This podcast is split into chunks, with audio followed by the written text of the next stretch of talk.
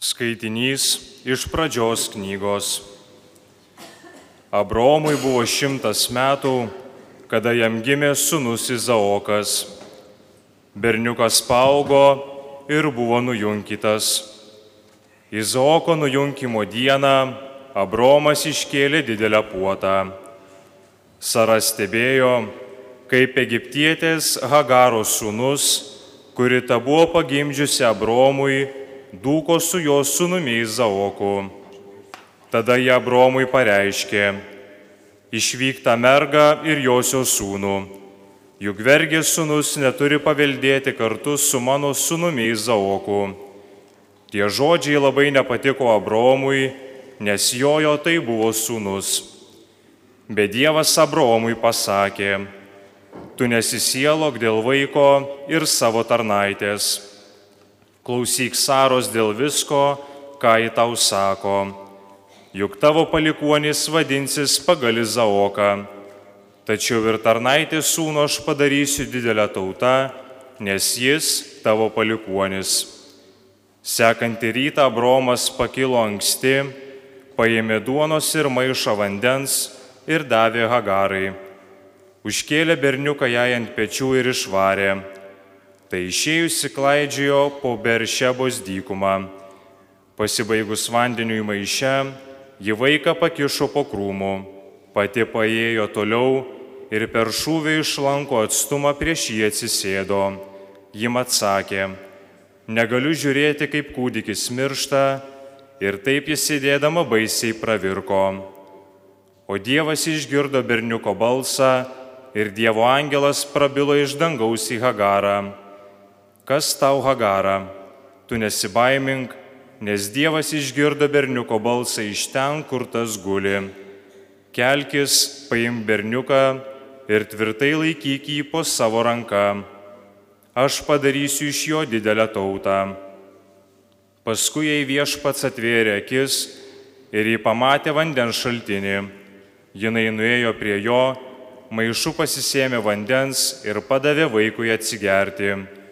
Dievas buvo su tuo berniuku. Jisai užaugo gyvendamas tyruose ir tapo šauliu iš lanko. Tai Dievo žodis.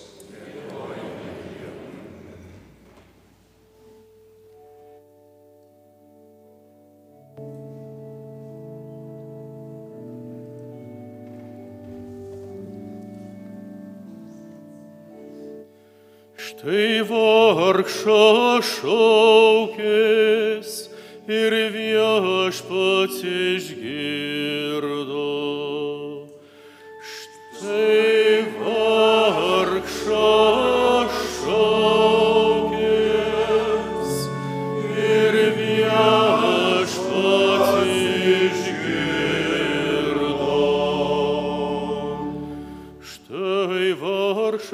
Šaukės ir viešpats išgirdo, iš visų bėdų išvadavo.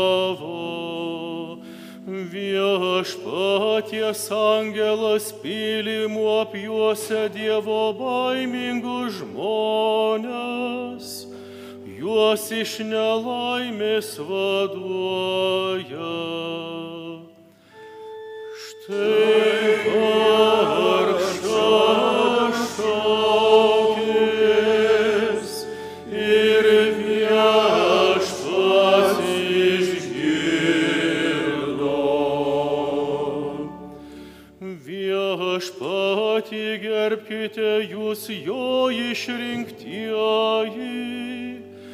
tiems, kur jo bijo nieko nestinga.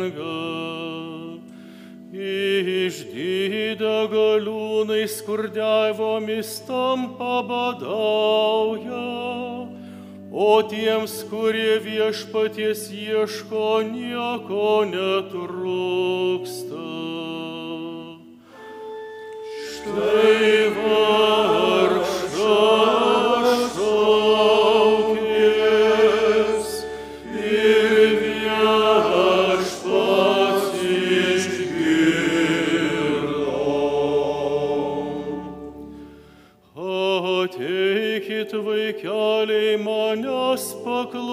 Paklausykit. pamokysiu viešpaties baimės. Kur toks žmogus, kuris gyventi netrokštų, nenorėtų būti laimingas.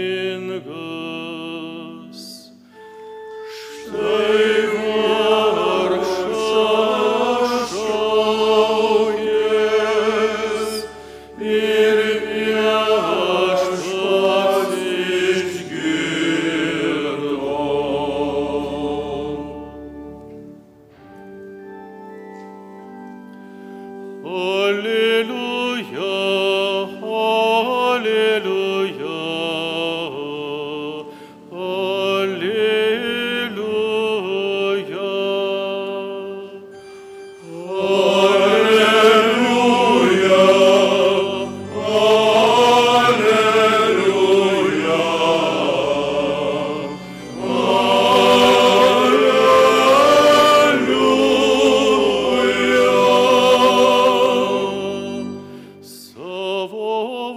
Tėvas pagimdė mums tieso žodžiu, kad mes būtume tarsi pirmienos tarp jo kūrinių.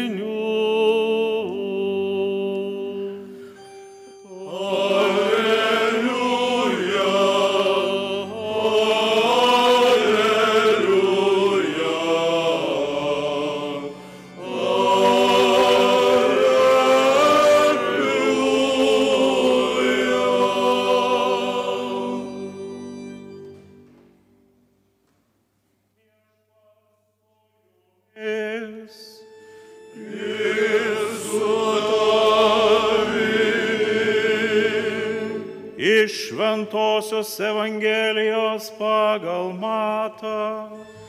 Garbė tau viešpatie. Kai Jėzus priplaukė kitą krantą gadariečių krašte, jam priešais atbėgo du demono apsistieji, išlindę iš kapinių rūsių. Jėdu buvo tokie pavojingi, kad niekas negalėjo ramiai praeiti anuo keliu.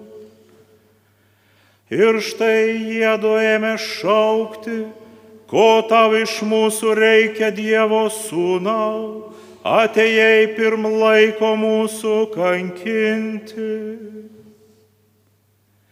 Truputį toliau ganėsi didelė kaimenė keulių, demonai ėmė prašytis, jeigu mus išvarysi, tai siūsk į keulių bandą. Ir jis įsakė, neždinkitės.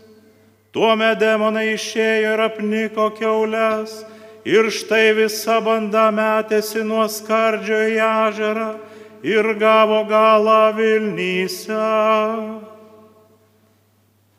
Piemenys pabėgo ir pasiekė miestą, viską išpasakojo, taipogi ir apie apsėstuosius. Tada visas miestas išėjo priešais Jėzų ir vos jį pamatę prašė pasišalinti iš jų krašto. Tai viešpaties žodis. Brangus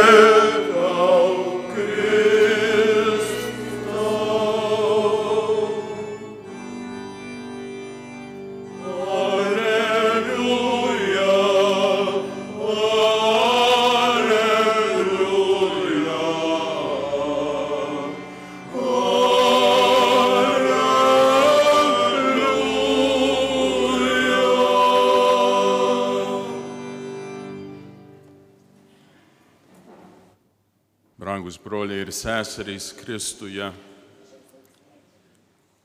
Nesenai buvau Romoje ir girdėjau iš kardinolo, kuris rengia pasaulinį sinodą apie susitikimą, kurį jis turėjo su pora vyskupų iš artimųjų rytų.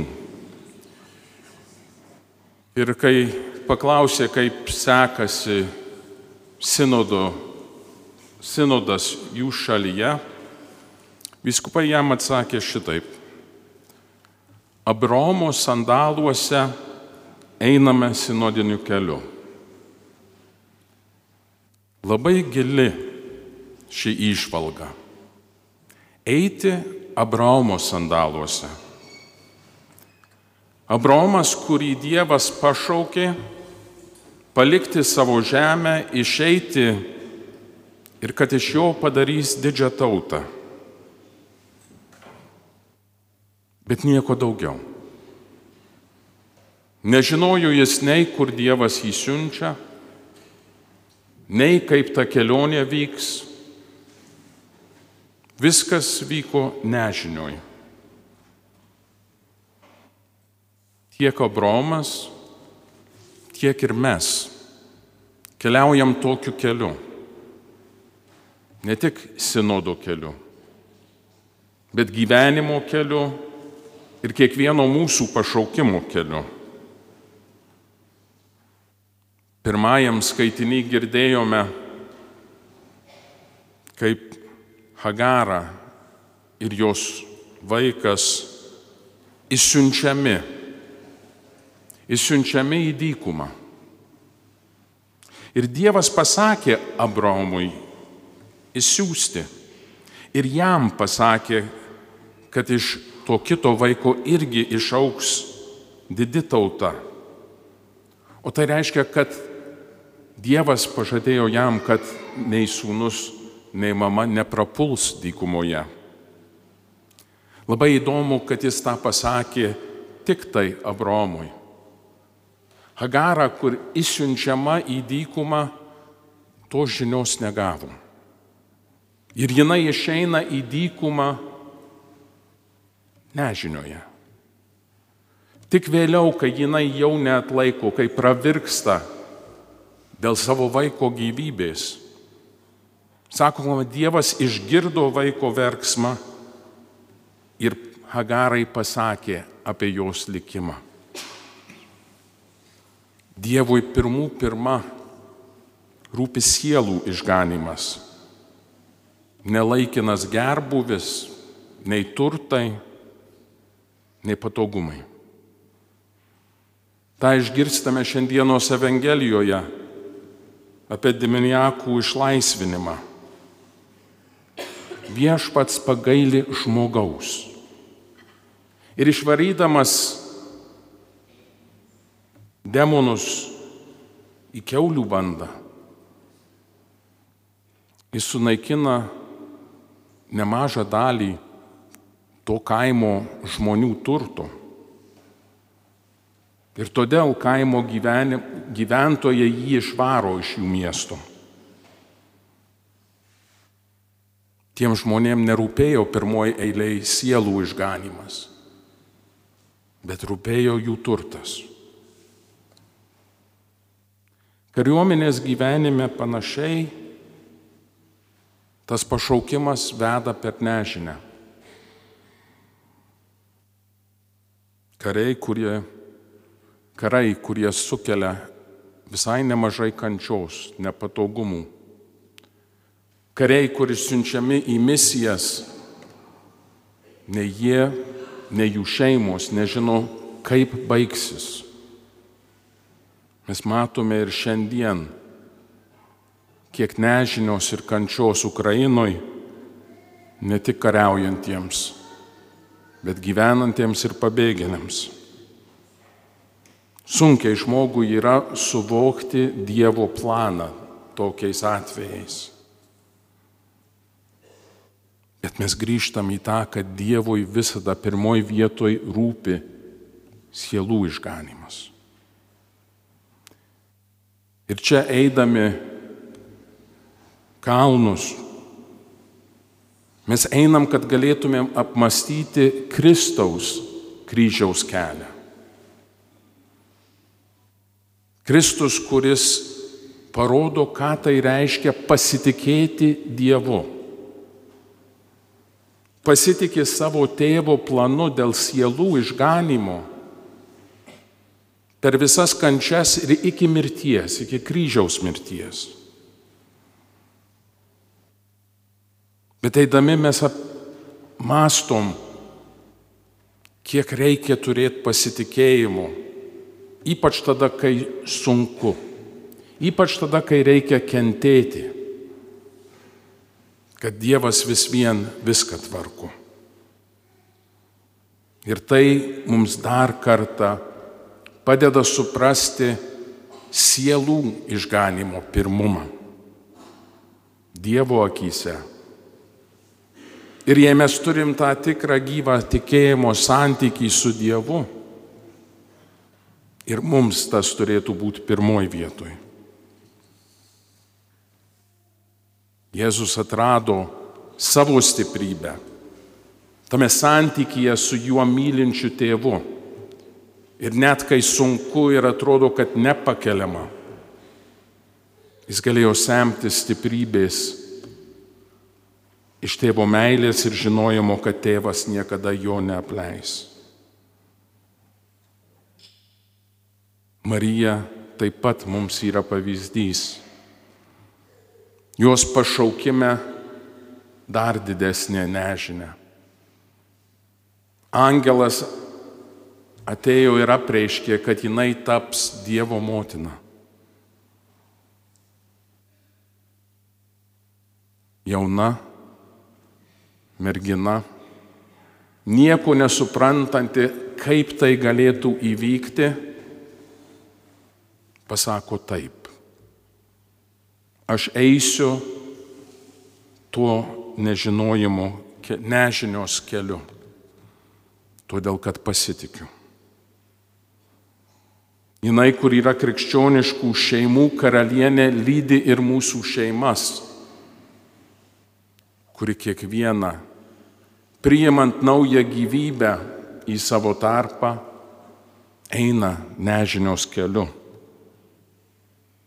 Kas bus iš to vaiko?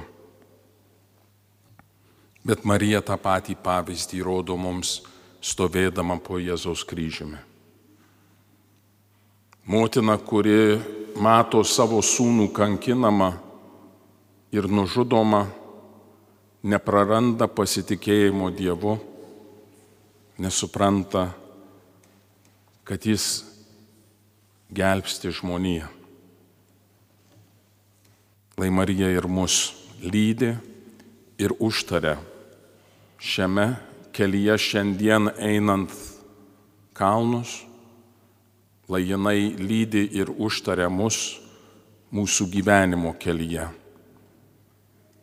kad nepabūktumėm nežinios, pasitikėtumėm Dievo planu ir savo gyvenimuose pirmoji vietoj pastatytumėm sielų išganimą. Amen.